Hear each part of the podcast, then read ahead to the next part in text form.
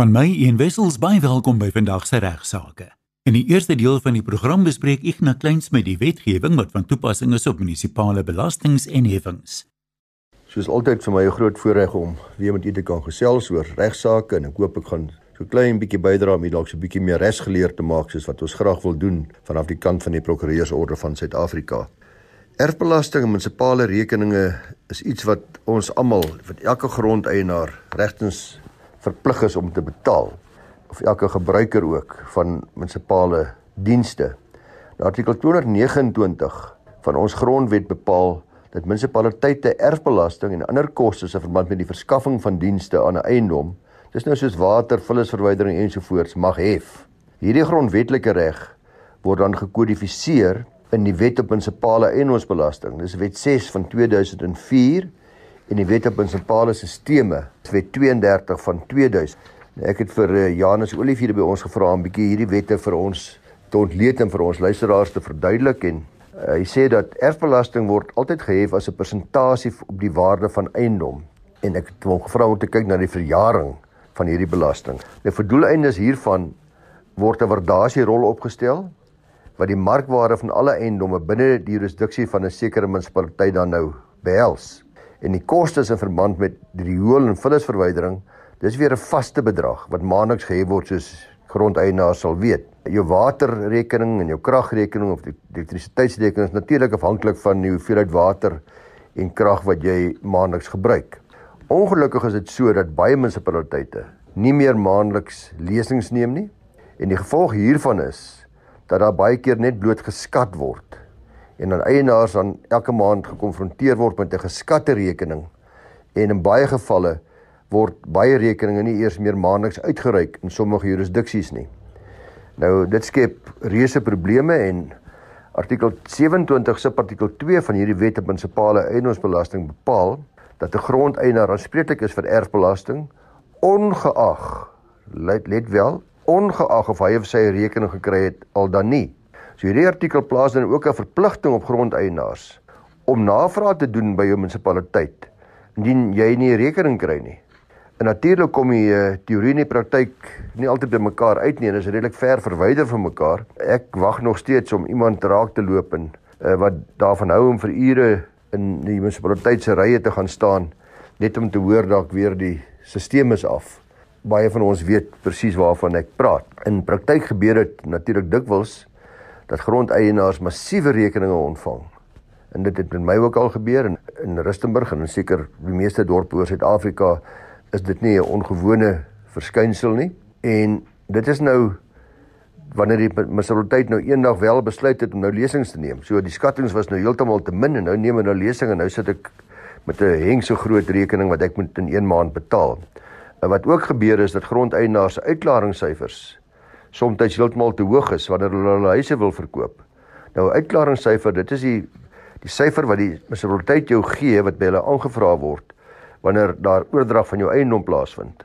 Hierdie staat bevat dan al die uitstaande gelde wat betaal moet word wat agterstallig is, wat aan hulle verskuldig is vir die voorafgaande 2 jaar. Nou hierdie eiendom kon dan nie oorgedra word voor die laaste 2 jaar se uitstaande belastings en heffings nie betaal is nie. Nou 'n beginsel wat in hierdie geval baie relevant word is verjaring soos ek gesê het ek het ook vir Janus gevra om daaroor 'n bietjie vir ons te vertel. Uh in die wet op verjaring sê hy die wet 68 van 1969 bepaal dat skuld deur middel van verjaring uitgewissel word na 'n sekere tydperk maar verskillende forme van skuld het verskillende verjaringstydperke. Daar's ook sekere gebeurtenisse wat verjaring uitsluit, so byvoorbeeld verjaar enige vorm van belasting eers na 30 jaar. So die staat uh, kyk mooi na hulle self wat dit betref, terwyl geld wat jy in jou buurman skuld na 3 jaar verjaar. Nou waar die skuldeiser byvoorbeeld minderjarige is, sal sy skuld nie kan verjaar nie begin verjaring eers loop wanneer hy meerderjarig word.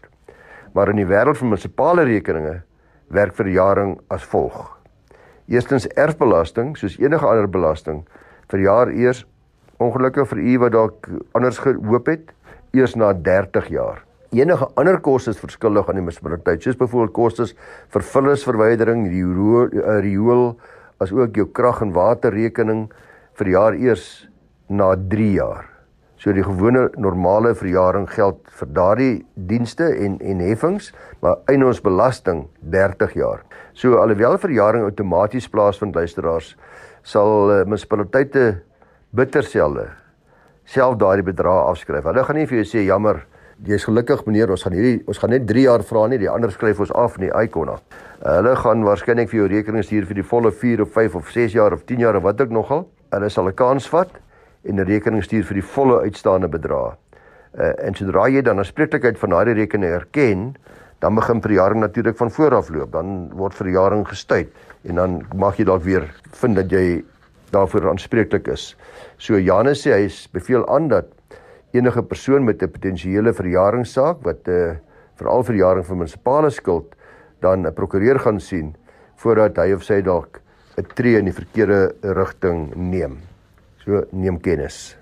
Ek het 'n skrywe ontvang van 'n anonieme luisteraar wat sê sy sal graag wil uitvind wat die situasie as jou testament deur 'n bank opgestel is en die bank is ook die eksekuteurs maar uh, na dood word daar vasgestel dat net een getuie geteken het uh, op hierdie testament en haar vraag is nou kan mens dan die bank wat opgestel het en wat ook die eksekuteurs is dan nou aanspreeklik hou vir hierdie flater.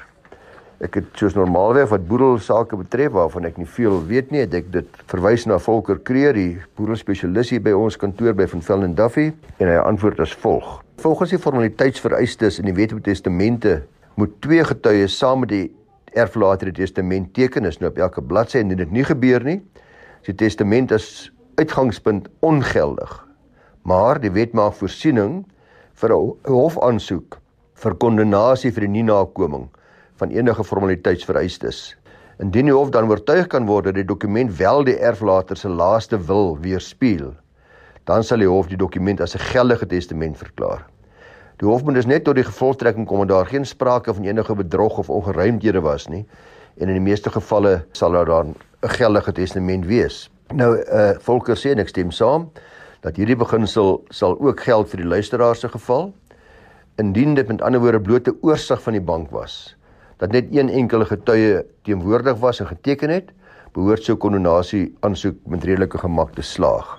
Daarna kan die dokument dan as geldige testament gebruik word om die boedel by die meester aan te meld en te beredder. So hof aansoek as mens nou wel dit verplig is om te doen, gaan uiteraard met heel wat regskoste gepaard. Nou as die aansoek dalk deur iemand geopeneer sou word, byvoorbeeld iemand wat die geldige verklaring as nadeel sou beskou wat daardeur benadeel kan word, kan dit nogal 'n hele paar rand vir die applikant uit die sak jaag. Maar weer eens in die luisteraar se geval klink dit egter asof daar waarskynlik geen oponering sal wees nie. Nietemin daar sal wel kostes wees met die normale ongeopeneerde hof aansoek. Iemand sal dit moet betaal.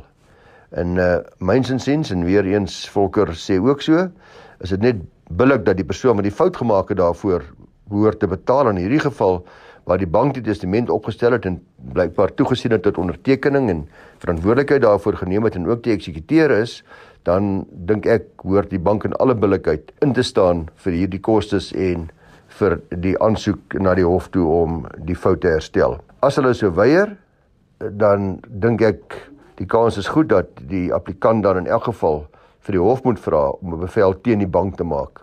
En ek dink die kans is goed dat die hof wel so 'n kostebevel dan teen die bank sal maak. Maar weer eens, uh, hierdie vragie van ons luisteraars moet net weer 'n goeie les vir al die ander luisteraars, soos ons in baie vorige programme al genoem het. Dat mens maar moet gebruik maak van 'n kundige om 'n testament op te stel en ook te sorg vir die korrekte verleiding daarvan.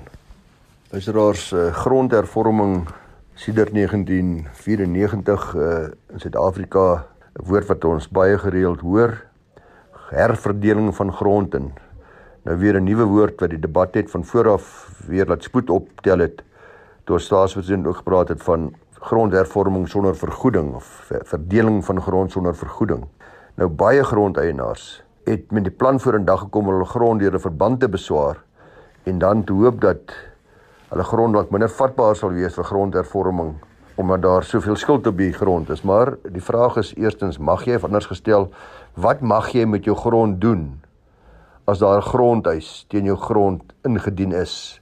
Hoe kan jy nog met daardie grond handel as 'n eienaar van grond waarop 'n grondhuis ingestel is. Artikel 11 se artikel 7 van die Wet op Herstel van Grondregte, dis 1994 Wet, Wet 22 van 94, bepaal dat indien daar 'n grondhuis teen jou eiendom ingedien is, dan mag die eienaar van daardie grond nie, let wel, hy mag nie sy grond verkoop of ruil of skenk of verhuur of onderverdeel of herseneer of ontwikkel sonder, hier kom dit nou, om 1 maand skriftelike kennisgewing te gee aan die grondeise kommissaris nie. So die enigste beperking is dat jy kan daarmee jy kan al hierdie dinge doen. Jy kan verhuur, skenk, onderverdeel, herseneer, ontwikkel, maar voor dit gedoen word, waar daar 'n grondhuis is, moet jy eers 'n volle maand kennisgewing gee aan die grondeise kommissaris van jou voorneme om dit te doen. Maar onthou, hierdie artikel is net van toepassing as daar reeds 'n behoorlike grondeis teen jou in, grond ingestel is en dit beteken dat daar 'n behoorlike kennisgewing moes wees in die staatskoerant. Uh artikel 11 se artikel 1 van die wet bepaal dat so kennisgewing eers geplaas sal word nadat die kommissaris tevrede is dat die eis op die voorgeskrewe wyse ingedien is, dat dit nie deur die wet verhoed was nie en dat die eis nie ligsinnig is of kwelsigtig is of dat met ander woorde 'n eis is wat meriete het. Eers dan sal daar 'n grondeis teen jou eiendom ingestel word. So dit voorveronderstelle mate van ondersoek na die meriete om vas te stel wie eis verdienste het en of dit dan gepubliseer kan word al dan nie. Ek mag maar net sê my ou ondervinding is daardie ondersoeke dikwels baie gebrekkig en word daar talle grondeise ingestel sodat daar enigstens werklik behoorlike meriete is. Uh en ek sê dit omdat ek dit regtig ook kan bewys. Indien 'n grondeis wel ingedien is, maar daar's nog nie kennisgewing in die staatskoerant nie, met ander woorde jy het nou kennis gekry daar daar's 'n moontlike eis teen jou grond, maar uh, daar's jy weet is nog nie gepubliseer in die staatskoerant nie, dan kan jy met dan is hierdie artikels nog nie op jou van toepassing nie. Jy kan jy maak met jou grond soos jy wil. Hoef nie kennisgewing gegee te word nie. Indien publikasie egter reeds plaasgevind het en soos ek gesê het jy wil verkoop of verhuur, dan kan hierdie transaksie deur die hof tersyde gestel word. Indien jy nie hierdie artikel 11 se artikel 7 nagekom het deur die grondeise kommissaris se maand kennisgewing te gee nie en indien die hof dan oortuig is dat hierdie transaksie van jou nie in goeie trou plaasgevind het nie. Die hof kan natuurlik ook enig ander bevel maak as wat dit goed vind, maar vir my is dit uiters belangrik luisteraars om kennis af van te neem dat indien jy weet van 'n grondhuis wat teen jou grond ingestel is, dan is dit wat my betref verkeerd om nie die koper daarvan in kennis te stel nie. Al het jy vir die grondhuise kommissaris 'n maand kennis gegee, behoort die koper van jou grond ook bewus te wees van die risiko van die grondhuis en in grond in transaksies waar ons by betrokke is, sal ons altyd daarop aandring ter wille van die verkoper en die koper dat daar 'n behoorlike klousule in die koopkontrak is wat aandui dat die koper kennis geneem het van hierdie grondhuis en dat die risiko van daardie grondhuis deur hom of haar aanvaar word. Dit is baie belangrik. Die wet verhoed egter nie eienaar om sy grond deur 'n verband te beswaar nie. Dis nie 'n probleem nie. Dit staan na eienaar dus in my opinie vry om 'n verband te laat registreer Ja, al is haar kennisgewing reeds gepubliseer, maar is nie so eenvoudig nie want uh, die banke moet natuurlik ook kennis dra van hierdie grondhuis. Die boere het ook nie van vir hulle weg te steek of dit op 'n bedrieglike manier van hulle te weerhou nie. In die banke sal in die meeste gevalle in elk geval skriftelike bevestiging aanvra van 'n grondeise kommissaris dat daar geen grondhuis teen grond ingedien is voordat hulle 'n verband op landbou eiendom gaan toestaan nie. Uh hier gaan dit nie oor of die eis al gepubliseer was of nie, maar eerder of die grondeis al ingedien was of daar inderdaad begin is met 'n grondeis want die bank besef dan daar's 'n risiko. Indien 'n eis dan wel teen die grond ingedien was, is banke baie meer versigtig om hierdie eiendom uh, as sekuriteit te neem en is daar 'n uh, redelike risikobepaling wat hulle dan in ag sal neem. Let wel, uh, die wet maak ook voorsiening dat mens aansoek kan doen vir ontluisting. Ek is betrokke by gevalle waar die grondeis al vir 20 jaar en langer net niks gebeur nie. Nou dis tipies 'n geval waar mense kan aansoek doen as jy die geld wil spandeer vir ontluisting. Uh, en dan die hof te vra dat dis onbillik teenoor die grondeienaar om hierdie swaard oor sy kop te hê. Uh, want baie grondeienaars wil natuurlik ook nie groot geld spandeer in hulle plase en ontwikkeling doen omdat hulle bang is vir die grondhuis nie en dat hulle nie daarvoor behoorlik vergoed gaan word nie. Veral nou dat daar sprake is van onteiening sonder vergoeding en dan kan mense prokureur gaan sien en vra dat dat 'n aansoek gedoen word dat jou eiendom ontlys word en as jou eiendom eers ontlys is, dan beteken dit dat jy kan daarmee handel na goeddinke. Dankie Ignas. Die openbare beskermer het onlangs 'n hofsaak verloor waarin 'n kostebevel teen haar persoonlik gemaak is. In die daaropvolgende appel bespreek die hof die omstandighede waaronder staatsamptenare persoonlik aanspreeklik gehou kan word vir die hofkoste.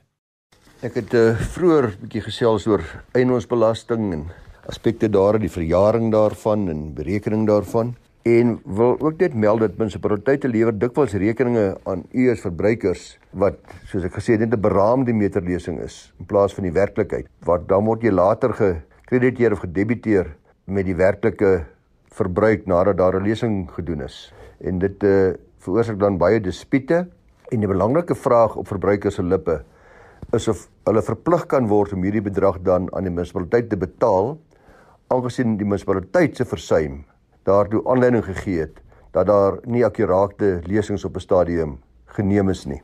Nou hierdie wette plaaslike regering, die munisipale stelsels 232 van 2000 bepaal onder meer hoe die munisipaliteit te werk moet gaan raak in 'n dienslewering. Hoe rekeninge gehef moet word en verdienste as ook hoe dispute gehanteer moet word. Artikel 95 van die wet plaas eerstens dan ook die verantwoordelikheid op 'n munisipaliteit om 'n kliëntebestuurstelsel daar te stel, maar binne hulle finansiële en administratiewe vermoëns en dis natuurlik waar die probleem kom. En hierdie stelsel moet daarop gemik wees om 'n positiewe en 'n samewerkende verhouding te skep tussen diegene wat verantwoordelik is vir die betaling van munisipale dienste en die munisipaliteit wat die dienste lewer.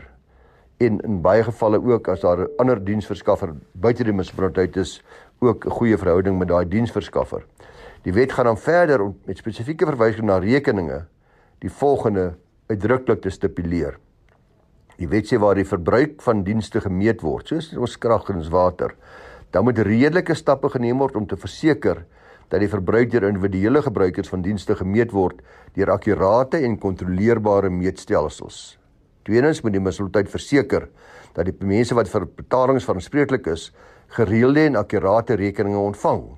Daar staan nie maandeliks hier dan sê gereelde en akkurate rekeninge ontvang wat die basis vir die berekening van die verskillende bedrae aandui en dan moet die munisipaliteit ook toeganklike meganismes daarstel vir daardie persone dis nou u en ek om rekeninge of gemeterde verbruik te bevraagteken of te verifieer.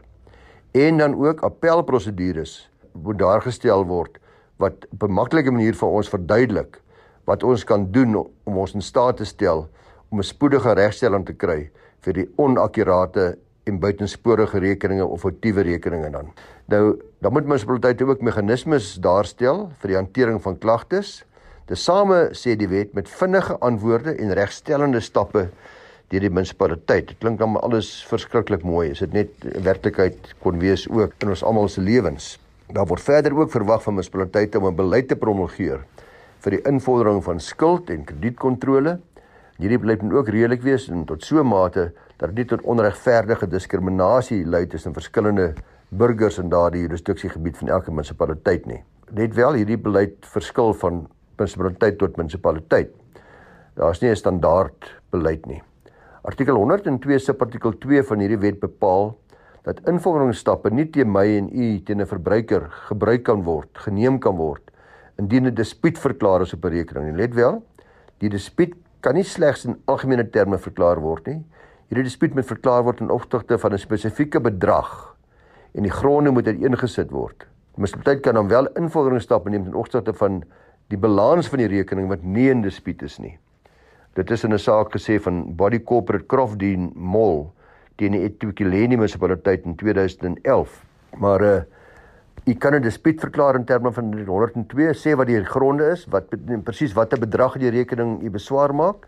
En as u dit gedoen het, let wel, dan kan die munisipaliteit geen stappe neem voordat daardie dispuut nie opgelos is nie.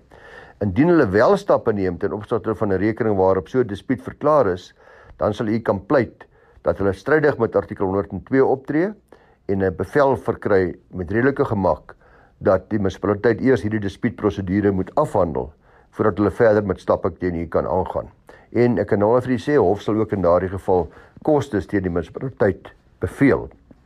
Indien 'n verbruiker 'n dispuut verklaar en die munisipaliteit versuim om daaraan aandag te gee soos vereis in hulle beleid, dan sal u en ek, ons as verbruikers, die hof kan nader met 'n mandamus aansoek. Dit behels 'n aansoek uh dat die hof die munisipaliteit beveel om stappe te neem soos wat dit in hulle beleid uitgespel word. Nou net soos die munisipaliteit 'n plig het om in lyn met wetgewing op te tree, het u en ek natuurlik ook 'n plig om ons eie skade te beperk en positiewe stappe te neem. Met ander woorde, as ek nie tevrede is met my rekening nie, dan moet ek 'n dispuut verklaar. Ek kan net niks doen nie. Ek moet behoorlike kennis hê met my munisipaliteit gee uh, in gevolge die artikel 102 en 'n verbruiker, soos ek sê, kan nie aanspreeklik dan wees as daar wel 'n dispuut verklaar is nie totdat dit nou opgelos is nie, maar belangrik is luisteraars die beginsels van billikheid, regverdigheid, redelikheid moet altyd in ag geneem word by die oplossing van hierdie dispuut, asook met die invorderingsprosedure, want dit word tog voorgeskryf deur die wet. Uiteindelik moet ons almal bepaal uh as verbruikers of dit wat ons moet betaal redelik is en of ons dit werklik verbruik het en 'n billike afbetalingsreëling sal in meeste gevalle deur die meeste munisipaliteite aanvaar word. Wat werklik waar lakse lamsakkige lui lakkers is en daar's so 'n mooi woord ook wat mense vir my 'n liep lapper, iemand wat regtig waar eintlik niks doen nie en wat net rond lê en leeg lê en lê wegsteek en loodswaai. En ons het uh, in die pers die afgelope klompie maande dikwels beweringe gehoor dat ons openbare beskermer uh ook nie altyd beskou word as bekwam nie en soms ook uh foute maak en word sy deur baie verskillende instansies deesdae hof toe geneem. Uh sy het onder andere 'n verslag uitgereik wat gefokus het op 'n lening van die Suid-Afrikaanse Reserwebank aan 'n entiteit bekend as Bankorp. Dis nou al hier in 1980s wat dit gebeur het. Bankorp sal die ouer luisteraars onthou, uh was 'n bekende finansiële instansie. In hierdie verslag het die openbare beskerming aanbeveel dat artikel 224 van die grondwet gewysig moet word. Dis die artikel wat handel met die primêre doelwit en funksie van die Suid-Afrikaanse Reserwebank. Sy het verder aanbeveel dat die polisie ondersoek in terme van die voormelde bankkorplening heropen moet word. Die saak uh, verwysing hier is die Public Protector versus South African Reserve Bank 2019 ZACC wat sy 29 en verder. So het gesê dat die polisie moet hierdie saak ondersoek. Dit dit was al dit was voorheen ondersoek, maar die leer is toe gesluit by die by die SAP en weer herondersoek word en sy het ook gesê dat uh, sy beskou die hele kwessie van hierdie lening as iets wat nie voldoen aan die bepalinge van die wetgewing nie. Die Reservebank het die aangeleentheid in die Hooggeregshof van Pretoria teëgestaan en is beide die aanbevelings van die openbare beskermer toe deur die Hooggeregshof van die hand gewys. Daar's ook tydens die aanhoor van die saak 'n baie penaliserende kostebevel teen die openbare beskerming na persoonlike hoedanigheid toegeken op 'n op 'n op 'n hoër skaal. Nou hierdie kostebevel op 'n prokureuringdiens skaal het hoofsaaklik daaruit gespruit dat die hof bepaal het dat sy onregmatiglik dit wil sê buite haar magte en bevoegdhede opgetree het en verder ook omdat haar aanbevelings volgens die hof se mening onredelik en irrasioneel was. Maar dis 'n redelike verdoemende uitspraak gewees hierdie in baie sterk taal teen die openbare beskermer. Sy het natuurlik ook nie sommer net so goedsmoeds aanvaar nie. Net by die grondwetlike hof aansoek gedoen vir verlof tot appel ten einde hierdie kostebevel van die Hooggeregshof te te staan en te vra vir tersydestelling daarvan. Die konstitusionele hof het verskeie aspekte in ag geneem en in besonder bevestig dat kostebevele nie misbruik mag word nie of nie misbruik moet word nie. Nou kostebevele van die aard word gewoonlik toegestaan gevalle waar werklike of potensiële skade baie duidelik blyk en hierdie uitsonderlike kostebevele word ook slegs toegestaan waar die persoon se gedrag uitermate skandelik of beledigend of onaanvaarbaar was. Anderswoorde uiters swak was kan mens maar sê.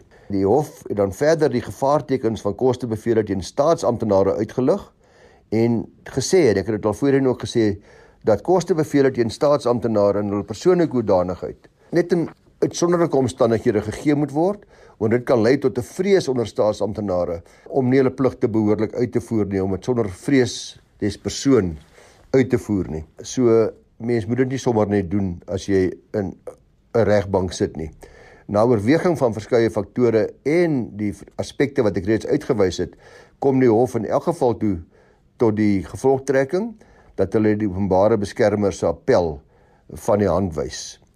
Daar was wel sommige van die regters wat oortuig was dat die kostebevel teen haar nie regverdiglik toegestaan was nie. Dit was die minderheid van die regters dat dit eerder vervang moes word met 'n kostebevel op 'n laer skaal. Hulle saamgestem dat sy self moet betaal uit haar eie sak uit, maar hulle wou nie die penaliserende skaal goedkeur nie en uiteindelik toe het die meerderheid besluit dat sy wel nie slaag met haar appel nie dat die Hooggeregshof se bevel uitgevoer moet word. Die gevolgtrekking is dus luisteraars dat uh, daar wel kostebevele teen staatsamptenare toegestaan word van tyd tot tyd, maar dat 'n kostebevel in hulle persoonlike hoedanigheid dat hulle dit self moet betaal nie maklik bekombaar is nie en dat dit slegs gebeur wanneer die staatsamptenaar aan verskeie faktore wat die hof uitgespel het voldoen het. Met uh, ander woorde dit 'n straf sal wees met 'n gepaardgaande kostebevel teenoor hulle persoonlike hoedanigheid. Die erns van so kostebevel teen 'n staatsamptenaar moet nie gering geskat word nie omdat dit slegs aangevra en toegestaan word indien die staatsamptenaar eh, versuim het in 'n baie ernstige mate om te voldoen aan dit wat van hom of haar vereis word. Dis alwaarvoor ons vandag gaan tyd hê. Dankie Ignas. Regsaake word moontlik gemaak deur die Prokureursorde van Suid-Afrika. Stuur gerus jou vrae vir beantwoording in toekomstige programme na igna@ffd.co.za. Onthou asseblief dat Igna nie persoonlik by jou regsprobleme betrokke kan raak nie en dat die program daar is om die breë publiek te bemagtig. As jy nie maandag 11:30 na regsaake kan luister nie, elke program is ook beskikbaar as potgooi op rsg.co.za. Mooi loop tot volgende maandag.